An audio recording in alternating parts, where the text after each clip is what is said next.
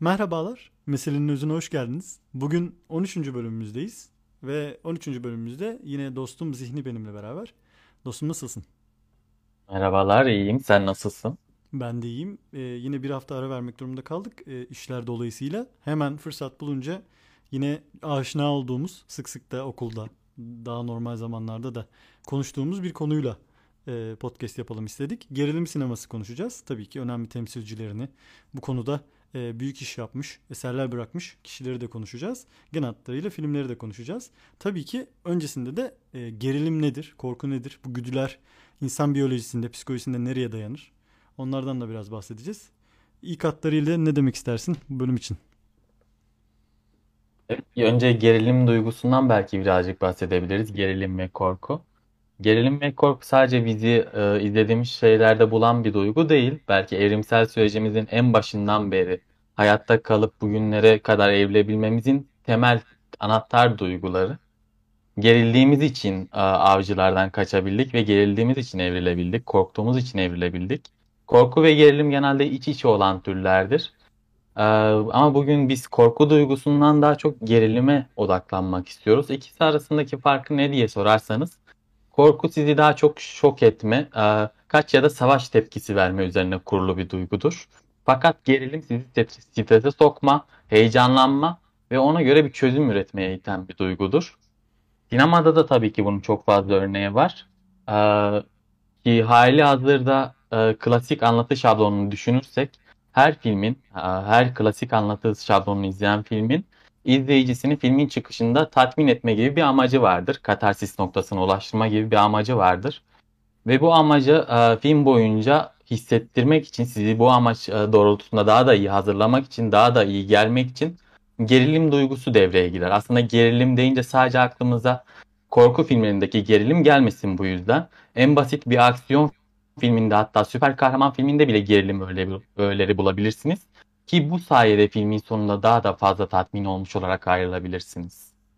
Sen bir şey demek ister Şöyle aslında gerilim aslında çatışmadır bir noktada da değil mi? Hani karakterin kendi içerisindeki çatışmasıdır. Bize, yani başka bir karakterle olan çatışmasıdır.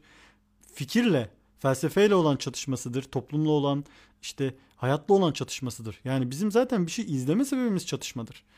Mesela çok basit bir örnekle e, çekingen bir e, insanı görürüz başta ana karakter olarak.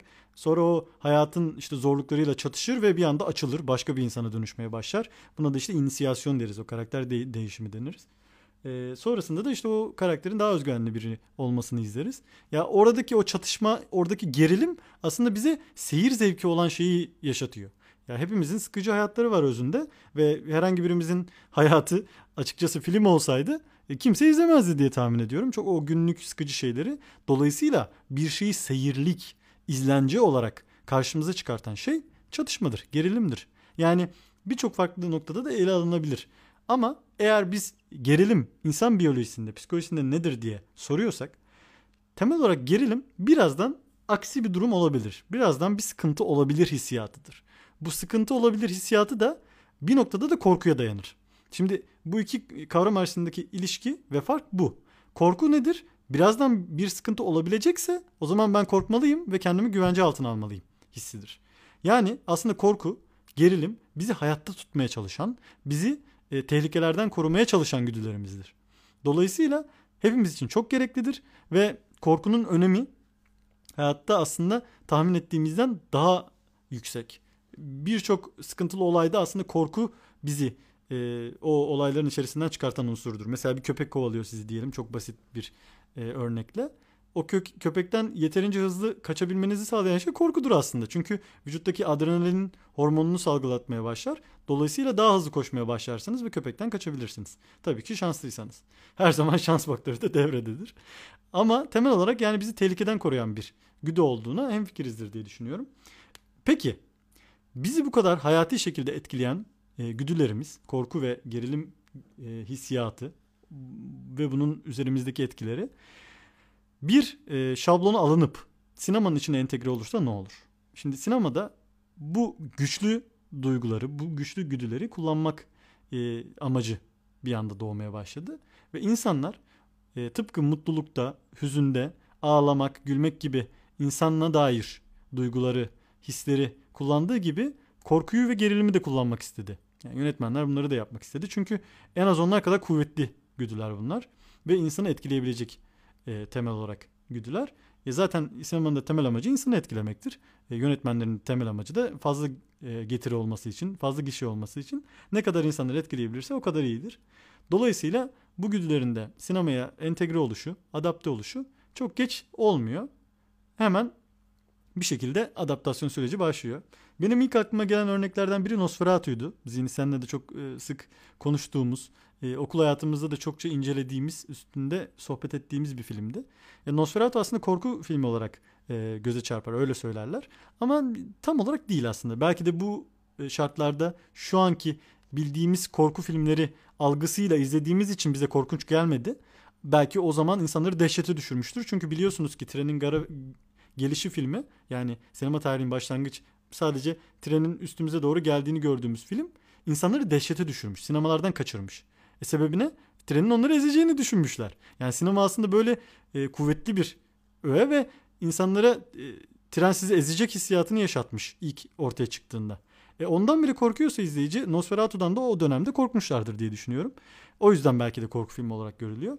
Ama temel olarak Nosferatu'nun bu kadar önemli olması ve benim aklıma ilk gelen örneklerden biri olması bence şununla ilgili e, gölge kullanımı. Mesela o zaman Alman dışı vurum e, sinemasında çokça gölge kullanılıyordu. Nasıl kullanılıyordu peki? Nosferatu'nun yani bir vampirin gölgesi duvara vurmaya başlıyor. Ve karakterin e, kafasının üzerinden duvara yansıyan o gölgeyi görüyorsunuz. Şimdi bu insanı inanılmaz geriyor. Yani temel olarak bizim konuşacağımız konu olan gerilim meselesinin göbeğinde tam ortasında duran bir sahne. Yani bir gölgeyle insanı korkutabiliyorsun aslında. İlla büyük yaratıklar veya birilerinin birilerinin kesmesi, biçmesi veya işte birazdan bomba patlayacak gerek yok. Hani sadece bir gölge göstererek de e, insanları korkutabilirsiniz. Ve aslında sinemanın olanakları çok minimal şekilde kullanıldığında bile fazlaca güç yaratabilir. Dolayısıyla o Nosferatu'nun gölgesiyle e, ortaya çıkan gerilim hissiyatı insanları dehşete düşürmüş zamanında. Ve gölge kullanımının da aslında ne kadar kuvvetli bir şey olduğunu, ne kadar önemli bir şey olduğunu daha sonraki dışa vurum e, örneklerinde de görüyoruz. Sinema tarihinde de genel olarak görüyoruz. Sen görünce ne hissetmiştin Nos Nosferatu'daki sahneyi? Evet zaten gölge, karanlık gibi unsurlar direkt bize bilinmezi çağrıştırdığı için otomatik olarak bir gerilim unsuru yaratıyor. Tabii şu an izleyince filmi belki sahnenin çekim tarzına hayran olmak dışında çok gerilim korku duymamanız normal. Bunun hem korkularımızın gerilim unsurlarının zaman içinde toplumsal öğelere göre değişiklik göstermesi hem de e, o teknolojinin eski, eskidiği için artık bize belki yapay gelmesi gibi unsurlar var. Ama gölge ve karanlık hala günümüzde bile sinemanın kalbinde olan ve çok etkileyici duran unsurlar. Özellikle Nosferatu'daki dediğin gibi o sahne e, şu an bile açıp çok rahat izleyip hayran kalabileceğiniz tarzdan bir, şah, bir sahne benim için de. Nosferatu dışında aynen e, mesela Şeytan Kalesi'ydi yanılmıyorsam. O 1920'lerde yapılmış e, tarihten emin değilim. Bir korku filmi var. Şu an izleyip hiç korkmayabilirsiniz. Bir vampiri anlatıyor. Ama o zaman bunu izleyenler gerçekten yerlerinden kıpırdayamayacak kadar korkuyordu belki. Bunun e, zaman geçmesi bu filmin o zamanki etkileyiciliğinin e, üzerinden şeyini eksiltmiyor bence. Önemini evet. Ya bence aslında Nosferatu'nun birinci filminin ikinci filmden yani Herzog'un çektiği Nosferatu'dan daha iyi olmasının sebebi de o deneysel unsurlar aslında o gölge kullanımı e, keza kostümün e, şu anda karikatürize gelmesine rağmen o dönem için gerçekten güzel bir kostüm olması. O yenilikler e, ilk ortaya çıkarılan şeyler bence. Herzog'unki de fena bir film değil. Güzel bir film yine. Ama bence o dediğim gibi gerilim unsurunun çok daha iyi kullanılması, çok daha etkili olması ve dönemine göre yaptığı etkinin Herzog'un filminden daha iyi olması bence Alman dışı vurumundaki ilk versiyonunu daha iyi yapıyor diye düşünüyorum. E, onun dışında bu temel olarak e, çok kuvvetli bir güdü demiştik değil mi? Gerilim e, sinemasının e, bunu kullandığını söylemiştik. Tabii ki hani bu işin piri, bu işin e, en önemli temsilcisi ve gerçekten e, kumdan kale yapan bir çocuk gibi her şeyi kontrol altına almış ve hepimize inanılmaz eserler izletmiş. Aynı zamanda bu gerilim korku meselesinin insana dair çok önemli bir güdü olduğunu da burada anlattığımız gibi çok iyi bilen birisinden bahsedeceğiz ve insan psikolojisini de bu gerilim unsurları içerisine nasıl entegre ettiğini konuşacağız. Alfred Hitchcock. Bahsetmek ister misin? Hitchcock gerilim ve şüphe sinemasıyla önüne çıkan ve tanınan bir yönetmen. Dünyaca ünlü bir yönetmen. Onun filmleri mesela Hitchcock da 40'larda, 50'lerde, 60'larda film çeken bir yönetmen. Onun filmleri ama günümüzde bile izleyip hala gerilim duygusunu koruyabildiğiniz filmler. Ve bunun teknolojiyle bence bir alakası yok. Hitchcock daha insani duygular üzerinden bir gerilim inşa etmeyi seven bir yönetmen ve bu gerilim inşa etme sürecini yavaş yavaş izleyiciyi de filme dahil ederek yapan bir yönetmen. Mesela çoğu filmde bir polisiye filmi ele alalım. Bir katil vardır. Film boyunca e, dedektifle birlikte katili bulmaya çalışırız. Ama e, mesela Hitchcock'un Rob filminde Hitchcock bize katili daha filmin başından gösterir. Gerilim katilin kim olduğunu üzerinde değil, gerilim e, oradaki insanların katilin kim olduğunu anlayıp anlayamaması üzerine kurulur. Rob filminden kısaca bahsedeyim konusu açılmışken. Rob iki e, felsefe öğrencisinin, mezun olmuş iki öğrencinin e, kendilerini kanıtlamak için işte süper insan Nietzsche gibi teorilere takıntılarından dolayı ve o gerilim hazını yasamak için bir cinayet işlemesini konu alıyor. Ee, yakın bir arkadaşlarını boğuyorlar ve odadaki sandığın içine koyuyorlar. Bu da yetmezmiş gibi e, o yakın arkadaşlarını öldürdükten hemen sonra bir parti yapıyorlar evde. Onun ailesini çağırıyorlar, sevgilisini çağırıyorlar ve tüm parti boyunca ceset orada olduğu halde e, bunun ortaya çıkma gerilimi, bunun ortaya çıkıp çıkmayacağı üzerinden bir gerilim kurmaya çalışıyor. Bu iki öğrencinin okulda da bir öğretmenleri oluyor. Etik üzerine tartıştıkları. E, Rappert isimli bir öğretmenleri oluyor ve özellikle bunu partiye çağırmak istiyorlar. Çünkü Rappert e, diğer insanlara göre zeki biri ve cinayetin etikliğini sık sık sorgulayan biri. Rappert da bir şov yapar gibi bu cinayetin işlendiği cesedin olduğu sandığın üzerine e, parti malzemelerini, e, yemekleri, ıvır zıvırları koyuyorlar. Onu da hatta e, katil karakterimiz bir seremoni alanı gibi dalga geçerek anlatıyor. İki tane katil var zaten film boyunca. E, tüm film boyunca ceset dibimizde olduğu halde diğer e, karakterlerin bunu öğrenip öğrenmeyeceği gerilim üzerine filmi izliyoruz. Bir anda e, parti bitmesine yakın mesela evin hizmetçisi eşyaları toparlamaya başlıyor. Kamera yavaş yavaş evin hizmetçisine dönüyor işte. E, yiyecekleri mutfağa geri götürüyor, kitapları alıyor. Kitapları tam sandığın içine koyacakken e, katillerden biri gelip sandığı kapatıyor. Böyle bir gerilim anı yaşatıyor.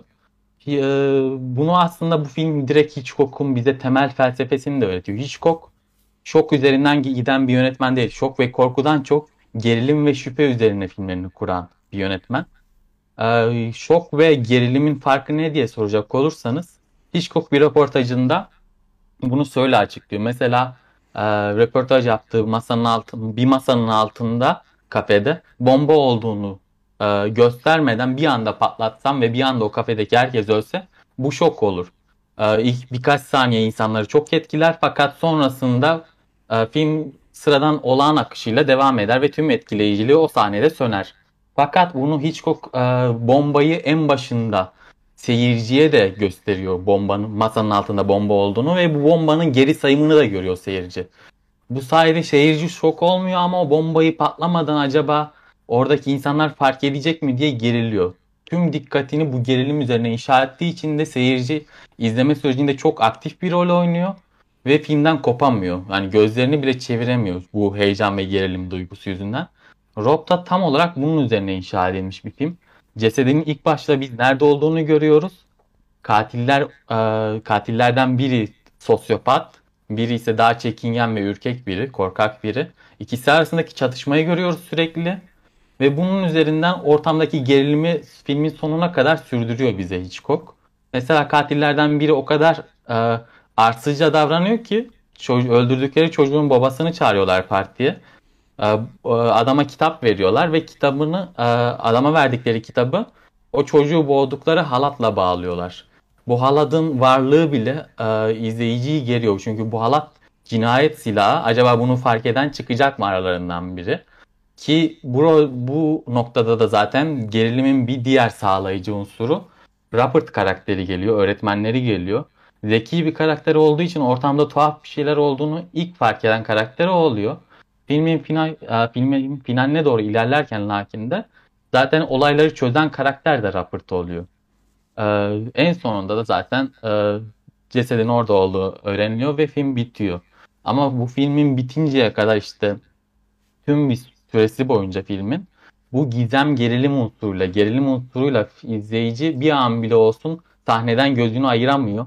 Ki bu sahneden gözünü ayıramama unsurunu sadece şeyle de sağlamıyor bize, senaryoyla da sağlamıyor Hitchcock.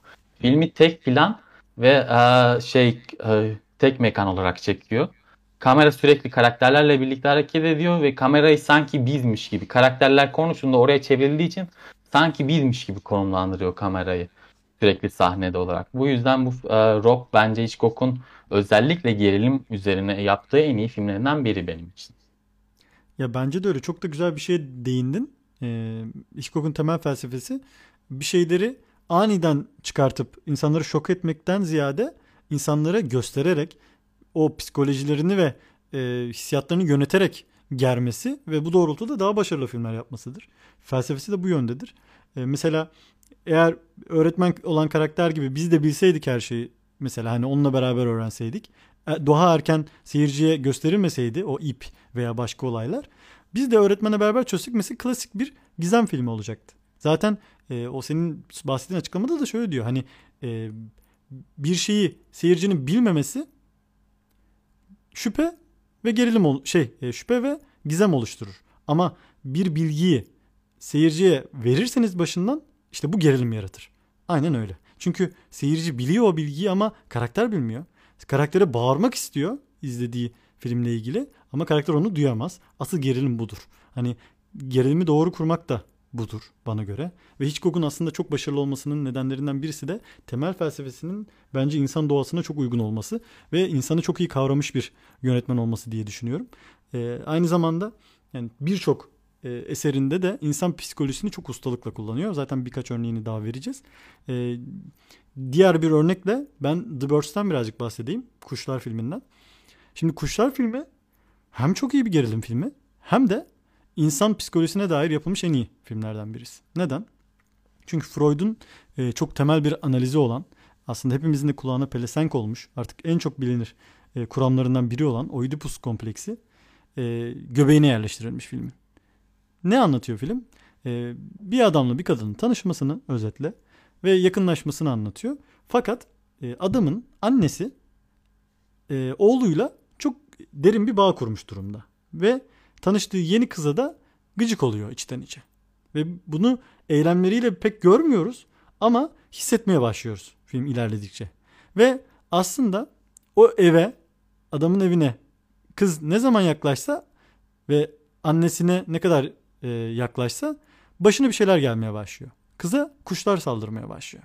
Önce bir iki kuş, sonra daha fazlası ve daha fazlası. Sonra evi e, tarumar etmeye başlıyorlar. Eve dadanıyorlar. Her tarafta kuş uçtuğunu görüyorsunuz. Ve inanılmaz bir gerilim. Ve bütün film bir anda tavan aksiyona vuruyor kuşlar sebe e, sebebiyle. Fakat bu geçişi o kadar güzel kuruyor ki Hitchcock. Önce bir iki kuş görmemiz ve onlardan ürpermemiz. Aslında kuş güzel bir canlıdır yani hepimizin sevdiği. Hatta görünce sevmek istediği yakalayamadığımız ama e, bazılarımızın evinde beslediği. Benim de bir kuşum vardı vefat etti ama yani o kadar değerliydi ki benim için. Gerçekten ağlamıştım öldüğü zaman. Bu kadar önemli ve e, sevimli bir canlı bizim için nasıl bir gerilim unsuruna, nasıl bir korku unsuruna, nasıl bir e, güç unsuruna dönüştüğünü filmin içerisinde görüyoruz. Yani bir iki kuşun oraya konması bile bize aslında gerim gerim gelmeye başlıyor. Çünkü ne yapacaklarını biliyorsun o kuşların. Birazdan neler olacağını fark edebiliyorsun. Yani senin onu fark etmen aslında gerilimi yaratan. Temel olarak bu. Ve film ilerledikçe kuşların saldırıları şiddetleniyor ve sonrasında şunu fark ediyoruz ki aslında e, annenin oğluyla bağı ve araya giren bir kız durumu var. Yani klasik bir kaynana teorisi de diyebiliriz. O kaynananın duyduğu haset belki de oğluyla arasına girmemesi isteği kuşlar olarak betimlenmiş filmin içinde. Yani o Oedipus kompleksinin kuşlar şeklinde dışa vurulduğunu görüyoruz ve o kuş saldırıları aslında annenin bilinçaltını temsil ediyor. O kızı bir uzak tutmak istiyor temel olarak oğlundan. Tabii ki herkesin başına bir dert açıyor ama temel olarak kız, kızın gitmesini istiyor kuşlar oradan. Çünkü gitsin de annesine kalsın oğlu yani. Temel olarak meselesi bu. Ve bu noktadan okuyunca da ne kadar aslında insana, psikolojiye ve sinemaya hakim olduğunu Hitchcock'un bir kez daha görüyoruz. Sen ne hissetmiştin izlediğin zaman? Ben daha küçük yaşta izleseydim muhtemelen kuşlara karşı bir fobi beslerdim bu filmden sonra. Nasıl çekildiğini hala günümüz şartlarında bile idrak edemediğim kadar iyi bir film. Özellikle çekim olarak. Ee, gerçekten gerilimi de çok iyi yansıtıyor. Özellikle senin dediğin gibi e, karakter konuşurken arkasında yavaş yavaş kuşların birikmeye başladığını görmemiz. Fakat bunun karakteri karakterin bunu henüz fark edememesi gibi sahneler insanı gerçekten tetikte tutuyordu film boyunca. Çok iyi film bence. Ve e, ben Hitchcock sinemasında en iyi filmi olduğunu düşünürüm zaman zaman. Daha popüler örnekleri de var. E, daha çok sevilen örnekleri de var ama bana hep e, Hitchcock'un Birds filmi e, başka bir şeyler hissettirmiştir. Başka bir noktadan yakalamıştır beni. Dolayısıyla çok severim. Hemen adını anasım geldi Hitchcock'tan bahsederken. E, diğer bir örneği bir fenomen haline gelmiş Sapık e, Psycho filmi. E, dilersen ondan biraz bahset bize. Evet, Psycho filmi çok ilginç bir film. Hitchcock'un tüm filmleri gibi. Bizi filmin başında bir ana karakterle tanıştırıyor. Çalıştığı iş yerinden para çalmış ve kaçmaya çalışıyor. Kaçarken de bir motele sığınıyor. Motelde de filmin daha e, başında 20 dakikasında falan öldürülüyor. Duş sahnesi zaten çok ünlüdür biliyorsunuz.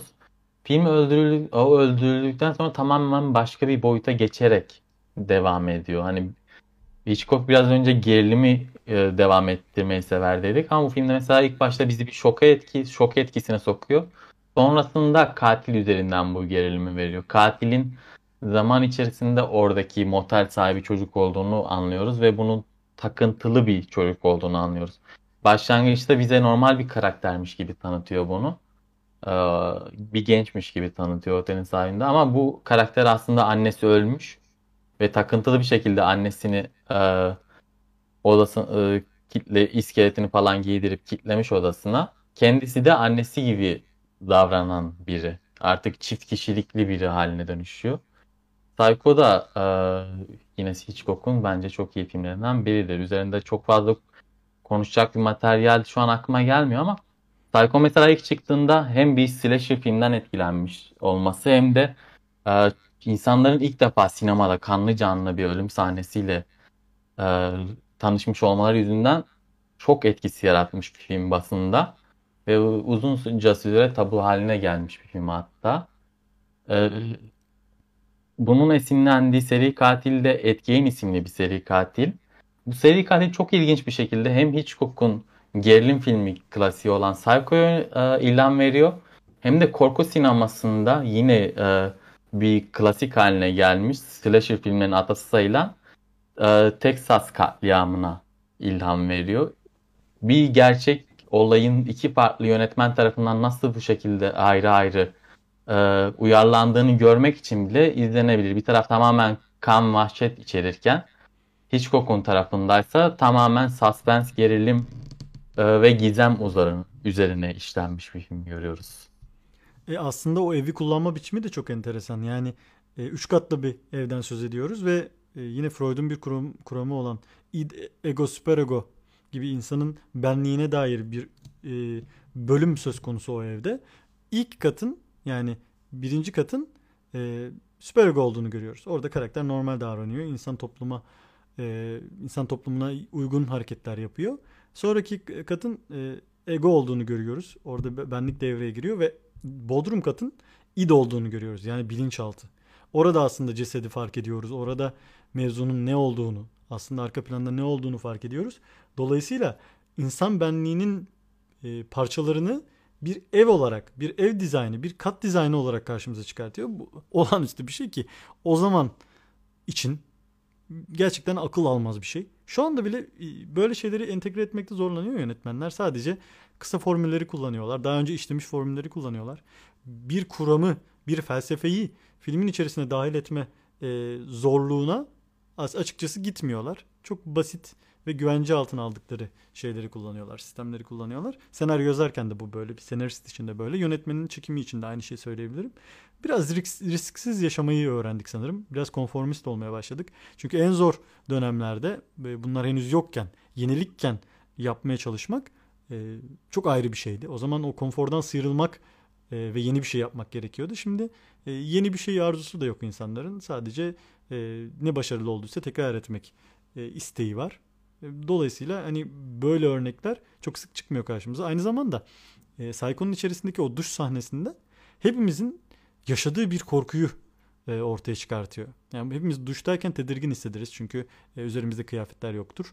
O artık doğduğumuz halle e, baş başa kaldığımız bir alan, duşa kabin içerisi ve büyük bir mahrem. Hani banyo zaten mahrem, duşa kabin içerisi daha da mahrem. Hani e, orası artık tamamen size ait bir alan. Sizin o çemberinizi ifade eden bir alan ve oraya bir katilin gelmesi ve bir bıçakla sizi e, kaç yerinizden bıçaklayarak öldürmesi ha, bu bir facia. Hani bu hepimizin bilinçaltındaki en büyük korkulardan biridir. Çünkü sırtınızı dönersiniz kapı tarafına genelde de. Duşlar öyledir, öyle dizayn edilmiştir. Çünkü duşakabinin içerisindeki o duş e, ahizi kısmı duvarda olur ve siz duvara dönersiniz. Arkanızda kapı vardır eyvah hani oradan birisi gelir mi korkusu falan. Hani olacak bir şey değil ama bazen de e, evin içinde bıçaklı gezindiğinizde olmaz mı? Bir ses duyarsınız. Ulan hırsız mı girdi falan. Hani hırsız falan giremez. Kapının üç kere kilitli aslında yani. ama evde bıçaklı dolaşırsın evde. Hani özellikle ergenlik döneminde falan çok olur bunlar o tedirginliğin yaşandığı dönemlerde. E, giderek daha da azalıyor. Fakat hala evin içinde böyle e, hissiyat yaşayan insanları ben görüyorum. E, zaman zaman bana da oluyor. Dolayısıyla e, bu tip paranoyaklıklara müsait bir e, canlı olan insan için böyle bir filmin ortaya çıkması tabii ki şok etkisi yaratıyor ve tabii ki çok güçlü oluyor. Yani dolayısıyla her şeyden önce Hitchcock'un insanı çok iyi anladığını bir kez daha bu örnekte de görüyoruz. Ve sinema tarihini yaptığı bir sürü etki var. Bu şüphe kurulumu, gizem kurulumu, gerilim kurulumu hepsi aslında e, Hitchcock'tan sonra evrimleşmiş şeyler. Aslında ben daha önce örnekleri olan e, unsurlar da var, detaylar da var. Fakat Hitchcock öyle bir şey getirdik. Öyle bir standart getirdi ki e, aslında klasik anlatı içerisinde de derin bir film yapılabilir. E, sadece sabun köpüğü filmler yapmak zorunda değiliz'i de gösterdi. Çünkü izlencesi yüksek filmler. E, Hitchcock'un yaptığı filmler ve klasik anlatıya da uyacak filmler. E, o anlatıyı tamamen bozup bir ehtiyen bir anlayışla Godard'ın yaptığı gibi falan e, sinemayı baştan yazmaya çalışmıyor. Temel olan şeyleri kullanıyor. Yüzyıllardır olan şeyleri kullanıyor ama öyle bir kullanıyor ki o zaman diyorsun ki ya, bu adamın yaptığı gibi yapılırsa demek ki sinema böyle de olabiliyor. Şimdi bundan sonra iş başka yerlere gidiyor. Çok etkilenen insanlar var. E, başka sinema örnekleri de var. Biraz günümüze dönersek e, eminim Sayın Zihin Uygun'un çokça bize bahsetmek istediği filmler vardır. Evet. eee, Hitchcock'tan çıkış yaparken günümüze bağlayalım o zaman. Hitchcock'un bir diğer filmlerinden biri yine ikimizin de çok sevdiği Rear Window filmi. Rear Window'da bir cinayete şahit olan, şahit olan eski bir fotoğrafçının yaşadıklarını anlatıyor ve cinayete şahit olduğu ev hemen karşı penceresi. Bu yüzden de kamerasıyla sık sık karşı penceresinde neler olduğunu izliyor. Bu viewer dikiz kavramı aslında sinemanın kendisinde olan bir kavram ve çoğu zaman korku gerilim filmlerinde kullanan bir kavram. Bazen bizi katilin bakış açısıyla bile karşılayan bir kavram. Ben modern filmlerden e, bence e, en iyi gerilim filmlerinden biri olan It Follows'tan bahsetmek istiyorum. Viewer'a girmişken. It Follows'ta bir lanet var ve bu lanet kişiden kişiye aktarılabiliyor.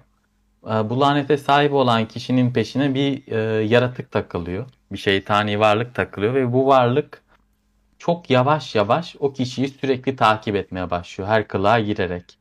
Film boyunca biz bu yavaş yavaş gelen katile şahit oluyoruz. Bazen katilin bakış açısıyla kurbanı seyrediyoruz. Ve kurbanın bunun farkında olmaması üzerinden bir gerilim kuruluyor yine It Follows. Ee, bu viewer dikiz kavramı yine bizi çok e, sinemada da karşılıyor. Zaten sinema viewer'ın e, sanattaki karşılığı diyebiliriz. Katilin bakış açısıyla kurbanı seyretmenin şöyle bir izleyici üzerinde etkisi var. Kurban hiçbir şeyden habersiz günlük hayatına devam ederken siz bir şeylerin ters gideceğini biliyorsunuz. Aynı Hitchcock'un size en başında filmin, filmin en başında verdiği bilgi gibi. Bu bakış açısının böyle bir faydası var. İzleyici üzerinde sürekli devam eden bir gerilim kurması üzerinde faydası var. Bunu It Follows filmi çok iyi başarıyor. Ee, peşindeki yaratık, e, ana karakterimizin peşindeki yaratık hızlı bir yaratık değil. Korku filmlerindeki gördüğümüz gibi eli testereli üzerine koşan bir yaratık değil. Çok yavaş bir yaratık. Yaşlı bir insan gibi yürüyor ama sürekli yürüyor. Uyumasına bile müsaade etmiyor. Artık bir noktadan sonra ana karakterimiz o kadar diken üstünde kalmak zorunda kalıyor ki sürekli arabasıyla hareket halinde. Uyuyacağında bile arabasının çatısında uyuyor. Çevresinden birinin gelip gelemeyeceğini görmesi için. Ve işte filmin çekimi de bir an e, bir karakterin gözünden, bir yaratığın gözünden sürekli olduğu için bize sürekli bir gerilim unsurunu yaşatıyor. Aynı zamanda bu yaratık kılık değiştirebildiği için şöyle de bir yine gerilim unsurunu devam ettiren bir şey var. Herkes olabilir bu yaratık. E, arkandaki sıradan görünen bir adam bile bir o yaratığın kendisi olabilir. Film bunu kullandığı için e, Hitchcock'un bence modern devam modern Hitchcock'un ruhunu devam ettiren filmlerden benim için. O yüzden It Follows'tan bahsetmek istedim. It Follows eğer gerilim sinemasına ilgi çek, ilgi duyuyorsanız kesinlikle izlemeniz gereken bir film. Evet bu takip meselesi e, arkandan bir şeyin yavaş da olsa takip etmesi meselesi ilginç bir konu. Ve bunu bir korku unsuruna çevirmek, bir gerilim unsuruna çevirmek değişik bir fikir. Hani mesele e, temel olarak yavaşlık ya da hızlılık değildir. Doğru hareketi yapmaktır e, olayı vardır ya her zaman bu tavşanla kaplumbağa meselesindeki gibi. Tavşan hızlıca koşar ama yarışı kaplumbağa kazanır. Neden? Çünkü tavşan hızlı gittiği için hata yapar. Sonunda kaplumbağanın yarışı kazandığını görürüz. Burada da e, yaratık evet koşmuyor ama sizi geriyor çünkü kaplumbağa gibi arkadan takip ediyor. Yani her zaman takip ediyor. Dolayısıyla belki de senin söylediğin gücü yaratan şey o bizim hepimizin çocukluğunda duyduğu bu hikayenin etkisi de olabilir. Bir şeyin seni takip etmesi, yavaş yavaş da olsa takip etmesi bir gün başarıya ulaşabileceği şüphesi, yakalayabileceği şüphesini de uyandırıyor olabilir diye düşünüyorum bir yandan. Ee, yine modern örneklere gelirsek bu arada önce sen bu konuda bir şey demek ister misin onu alayım sonra ben birkaç filmden bahsetmek istiyorum. Yo, benim aklımda bir film daha var. Önce sen bahset sonra dönerim. Tamamdır. Ee, o zaman ben en sevdiğim gerilim sineması örneğini anlatayım birazcık. Ee, sıkça da aslında bunu konuşmak istiyorduk. Ee, fırsat bugüneymiş. Nocturnal Animals yani Gece Hayvanları ismiyle e, Türkçe'ye çevrildi. İnanılmaz bir film. Yani ve şimdi aslında yapmaya çalıştığı e, unsurları da anlatırken ne kadar değerli bir film olduğunu bir kez daha e, buradan anmış oluruz diye düşünüyorum. Modern bir örnek. Dediğim gibi Hitchcock'tan sonra e, o kullanımlar biraz değişti. E, insana e, yarattığı etkiler biraz değişti sinema açısından gerilimin. Ve bu filmde de e, gerçekten çok kuvvetli kullanılıyor. Neyle başlıyor film? E, bir ailenin e, bir kadın, bir erkek ve bir kız e, çekirdek ailenin seyahat ettiğini görüyoruz. Arabayla yolculuk ediyor. Ve tenha gece vakti bir yolculuk görüyoruz.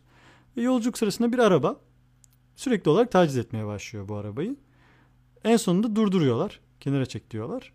Ve sonrasında e, bir gerilim hissiyatı bizde oluşmaya başlıyor. Arabanın takibinden başlayıp e, önlerini kesip onları aşağı indirmelerine kadar devam eden bir gerilim hissiyatı yaşıyoruz. Sonrasında e, o adamın, ana karakter olan adamın, Jack Gyllenhaal'ın oynadığı karakterin ailesiyle ilgili yaşadığı gerilimi o kadar iyi yaşıyoruz ki. E, ve eşiyle kızını diğer arabaya alıp kaçırdıkları vakit o adamın orada tek başına çaresizce kalmasını öyle iyi hissediyoruz ki diyorsun ki işte evet gerilim sineması budur. Sinemada budur belki de. Yani hepimizin çünkü başına gelebilecek bir olayı öyle güçlü hissettiriyor ki ben böyle bir e, korkuyu hissettiğim zaman dedim ki benim en büyük korkum buymuş meğerse. Yani sevdiklerimin başına böyle bir şeyin gelmesiymiş. Yani size hayattaki belki de en büyük korkunuzu e, ortaya çıkartacak kadar etki ediyor. Ve o ilk 30 dakika izlemek zaten inanılmaz zor bence. E, kan, vahşet bir sürü e, unsurun gösterildiği filmler var. Ama hepsinden daha güçlü bir sahne. Çünkü sizin duygularınızı, hislerinizi ve günlük yaşamınızda başınıza gelebilecek olumsuz bir olayı kullanarak e, yaşatıyor. Dolayısıyla yani diyorsunuz ki e, tamam gerçekten iyi yapılmış bir film. Yani film başlar başlamaz size diyor ki evet iyi yapılmış bir film. Ve sonrasında yavaş yavaş başka bir şeyi daha görmeye başlıyoruz. Susan isimli bir karakterimiz var. E, iki hikayeyi beraber götürüyor film bu arada. Bu yaşananlar e, arabayla olan olay bir roman içerisinde geçiyor. Yani bir roman anlatısı. Asıl olay günümüzde geçen olay Susan isimli bir karaktere bir kargonun gelmesiyle başlıyor. Kargoyu gönderen de eski kocası. Ve e, kargonun paketini açarken o kese kağıdını açarken Susan'ın eli kesiliyor. İnanılmaz bir şey. Çünkü bu içinden çıkacak olan roman yani az önce bahsettiğim olayların yaşanacağı ve Susan'ın okuyacağı roman ona daha kese kağıdı kısmında zarar vermeye başlıyor. Yani daha paketi açarken eli kesiliyor. Orada bile biz bir şeyler anlıyoruz. Ha bak demek ki bu roman bu kadına bir şey yapacak yani. inanılmaz kurulmuş. Çok ustaca. Sonrasında e, işte paketi açıyor. Bir roman yazıldığını görüyor. Eski eşinden geldiğini görüyor. Aslında biraz da mutlu oluyor onu hatırladığı için. Ve kitabın e, açıklamasında da sayfasında da Susan'a yazıyor. Yani kendisine atfetmiş e, eşi. Dolayısıyla e, farklı bir noktaya gidiyor onun için. Zaten gece hayvanını da onun eski eski eşinden e, takılmış bir lakap Susan'a. Hiç uyuyamadığı için geceleri ve uyuyamadığı için de geceleri bu romanı okumaya başlıyor. Ve bu roman giderek Susan'a zarar vermeye başlıyor. Bizim o gerildiğimiz, huzursuzluk hissettiğimiz sahneler bir anda Susan'a da zarar veren bir hale dönüşüyor. Ve onu da bir anda ele geçirmeye başlıyor. Bu, dolayısıyla hem Susan'ın yaşadıkları e, sizi gererken bir yandan da romanın içerisindeki olaylar sizi germeye başlıyor. Yani çift taraflı inanılmaz bir baskı oluşuyor üzerinizde. Bir yandan da hikaye o kadar güzel ki yani kapılıp gidiyorsunuz gerçekten. Şimdi e, aslında analizin son noktasında da kilit bazı şeyler söylemem gerekiyor ama izlememiş olanlar varsa içinizde e, onlar biraz tat kaçırabilir ki zihninin de çok eskiden izleyip unuttuğunu hatırlıyorum. O yüzden e, şimdi bu spoiler'ı vermeyeceğim ve izlesin çünkü ya, hepinizin gerçekten izlemesi gereken harika bir film olduğunu düşünüyorum. Evet, Nocturnal Animals gerçekten çok iyi bir filmdi. Ben çoğu detayını unuttum bayağı eskiden izlediğimden. Bir de çok odaklı izlemediğimden. En yakın zamanda tekrar izlemek istiyorum. Gerçekten hem konusu hem senaryosu hem de sinematografisi olarak şahane bir filmdir. Tavsiye ederim ben de. Aynı zamanda Benim... şeyi de söyleyelim. Bir saniye dostum. Ee, o gerilim unsurları bu kadar e, hikayeli yaratılmışken, o katmanlarla yaratılmışken görsel olarak da çok iyi e, oluşturulduğunu söylerim. E, filmin yönetmeni Tom Ford yani bir modacı. Ve o, o kadar iyi çekmiş ki öyle görüntüler var ki e, gerçekten algınızla oynayan böyle gerçekten içine hapsolduğunuz görüntüler var. İnanılmaz bir görsellikle çekilmiş ve bir modacının böyle iyi bir işe de imza atmış olması beni şaşırtmıştı açıkçası diyeyim ve sözü sana vereyim. Benim son olarak öğrene, önerebileceğim modern gerilim filmlerinden biri uh, Invisible Man, Görünmez Adam. Bu diğer filmlerin aksine yer yer uh, korku filmi sahnelerine de kayacak sahneleri var. Fakat konusu itibariyle gerilim filmi olmaya çok uygun. Ki zaten sürekli sık sık sizi geren bir film. Konusunu şöyle özetlemek gerekirse takıntılı erkek arkadaşın takıntılı erkek arkadaşıyla ilişkisini sonlandıran bir kadının yaşadıklarını anlatıyor film. Bu erkek arkadaşı kadın ondan ayrıldıktan sonra intihar etmiş filmin bize söylediğine göre. Fakat bu kadın bu erkek arkadaşının intihar ettiğine inanmıyor ve sürekli onu rahatsız eden görünmez bir şeyler hissetmeye başlıyor. Bu onun artık ruhu mudur yoksa başka bir şey midir? Film bizi bunun sonuna kadar saklı tutuyor. Biz e, filmi bu gerilim üzerinden e, izliyoruz. Yani sürekli kadını takip eden bir şey var ama It Follows'taki gibi bu şey herkesin kılığına giren bir şey değil. Tam tersine görünmez bir şey. Yine bir şey var ama göremediğimiz bir şey. Gerilimi bunun üzerinden veriyor film. Mesela Hitchcock'un duş sahnesine benzer bir sahne var filmde. Kadın duşta e, bir şeyler sıkıntı bir sıkıntı var müzikten falan hissediyorsun ama hiçbir şey göremiyorsun. Duşta bir el izi. Duş akabinde bir el izi ortaya çıkıyor ve orada bir şey olduğunu anlıyoruz. Böyle filmde bir sürü ufaklı irili, irili ufaklı sahne var. Kadın yemek yapıyor. İşte sonra başka bir yere gidiyor oturma odasına. Yemeğin altı bir anda açılıyor ve yemek yanmaya başlıyor gibi. Sürekli kadını rahatsız eden bir şey var. Hani bunu e, bizim cin filmleri, cin filmleri gibi de çekebilirdi yönetmen. Sürekli e, jump screen e, şey vererek sürekli şok etkisi yaratarak e, bizi korkutmayı da deneyebilirdi ama onun yerine sürekli bir gerilim unsuruyla izleyiciyi tetikte tutmayı tercih etmiş. Ve bunu bir cin gibi değil de bir göremediğiniz, savaşamadığınız, hiçbir şey yapamadığınız fakat orada hissedebileceğiniz bir şey olarak kurgulanmış. Ve bu yüzden bu film bence çok iyi bir film. Aynı zamanda günümüze de çok uygun olması nedeni bu filmin e, bir edebi bilim kurgu eserinden uyarlanmış olması. Bu eserin tamamen e, konseptini alıp böyle bir şeye çevirmesi bence yönetmenin takdire şayan. Ee, ilginiz varsa kesinlikle izlemenizi tavsiye ederim. Korku filmine benziyor dediğim sahneler bazı yerlerde filmin şiddet dozacının arttığı için öyle dedim. Yoksa aslında bir gerilim filmi. O yüzden gönül rahatlığıyla izleyebilirsiniz. Ya açıkçası o e, bahsettiğin unsurlar beni çok etkiledi. Çünkü e, ben filmi izlemedim ama e, çok severim sembolik detaylar kullanmasını bilirsin. Ben kendi yazdığım hikayelerde de böyle bir bardak, bir elma gibi bir nesneyi, bir e, sembolü çokça kullanmayı severim ve çok güçlü olduğuna inanıyorum. Bazen bir bardağın bile insana çok şey anlatabileceğini, bir elmanın e, elmadan çok öte bir anlama sahip olabileceğini e, düşünüyorum. Bence o anlamı matruşka gibi küçük küçük parçalar halinde içinden çıkartmak bence her zaman daha iyi kolaycılıktan ziyade. Yani bir canavarı ortaya çıkartıp bıçak saplatmak hani bence kolaycılık ama e, işte bazen bir elizi senin de bahsettiğin gibi bunların hepsinin önüne geçebiliyor ve bizim işte boktan sinemamızdaki o cin filmleri işte dabbe bilmem ne o tip e, insanı sadece metafizik olarak korkutmaya çalışan e, filmlerin e, dışında bu film demek ki ortaya şöyle bir felsefe çıkartmış. E, o herhangi bir şey olabilir. Yani bir cin, bir hayalet değil. Yani belki de o benliğin, yani seni takip eden bir şey. Yani o korku unsurunu yaratan şey belki de e, veya karşısına çıkan şey veya o vahşete neden olan şey belki de o insana dair bir şey, içine dair bir şey veya topluma dair bir şey. Yani ne olduğunu sana bırakıyor, yorumlatmayı sana bırakıyor ve doğal olarak bu detaylarla ilerliyor. Ben şu an tabii ki tahmin ediyorum, izlemedim filmi ama e, doğru veya yanlışsa sen düzeltebilirsin. Bence sinemayı böyle kurmak, bu e, minimal anlatıdan inşa etmek bana göre çok daha evla, çok daha iyi. Film bizi bu şüphede bırakıyor. Özellikle sonuna kadar ama sonunda zaten neyin ne olduğunu açıklıyor. Ama dediğin gibi bu kadının e, geçmişinde yaşadığı bir travma var. Çok rahatsız edici, toksik bir erkek arkadaşı var ve ondan ayrılıyor. Acaba bu işte kendi kafasında kurduğu bir şey mi? Erkek arkadaşının hayaleti mi? Başka bir şey mi? Bunu biz filmin sonuna kadar neredeyse öğrenemiyoruz. Dediğin gibi. Bence bu çok, çok iyi inşa edilmiş bir hikaye. Yani e, tıpkı e, bahsettiğimiz bütün örneklerde olduğu gibi seyirciyi sona kadar sürükleyecek e, güzel bir anlatı biçimi. Ve hani eğer dayanabilirsem eğer bahsettiğin gibi korku unsurları yüksek değilse ben de izlemeye çalışacağım. Ee, başka bahsetmek istediğim bir şey var mı dostum? Ya bir sürü film var tabii ki ama bence en iyileri benim gözümde bunlardı.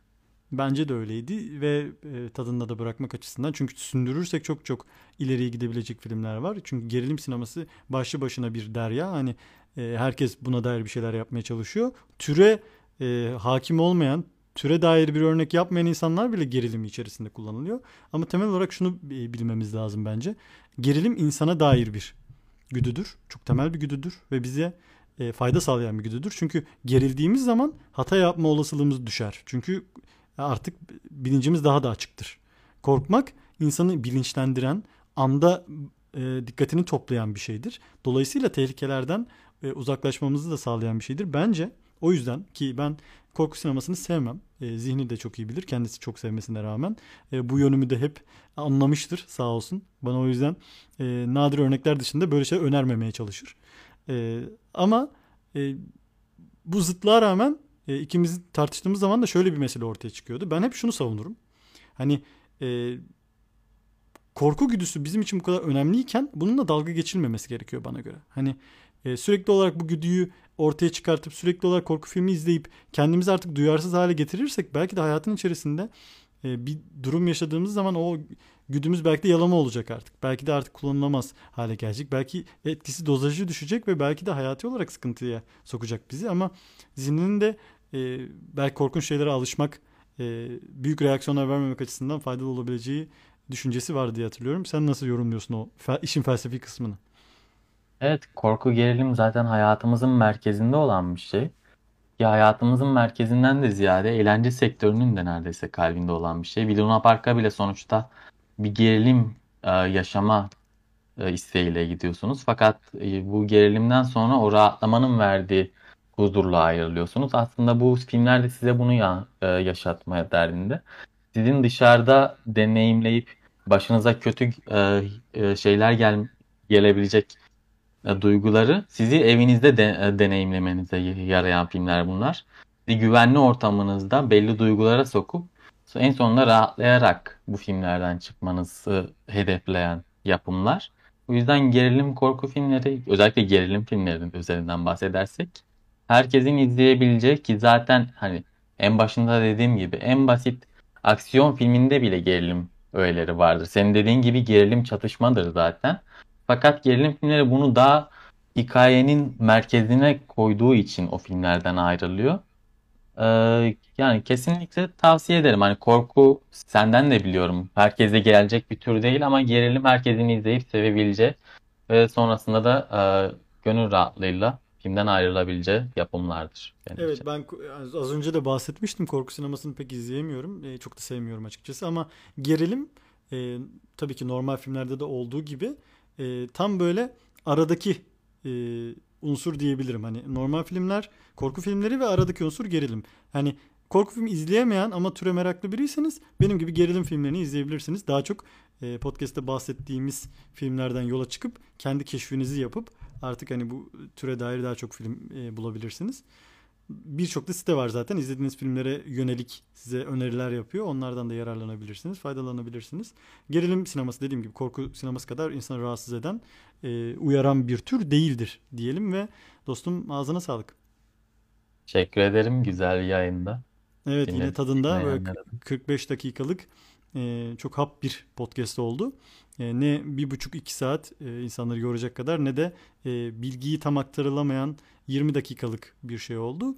Tam tadında güzel bir podcast oldu diye düşünüyorum. E, 13. bölümümüzde korku, gerilim, Hitchcock, psikoloji, insana dair bir sürü şey konuştuk. Umarım keyif almışsınızdır. Hoşçakalın.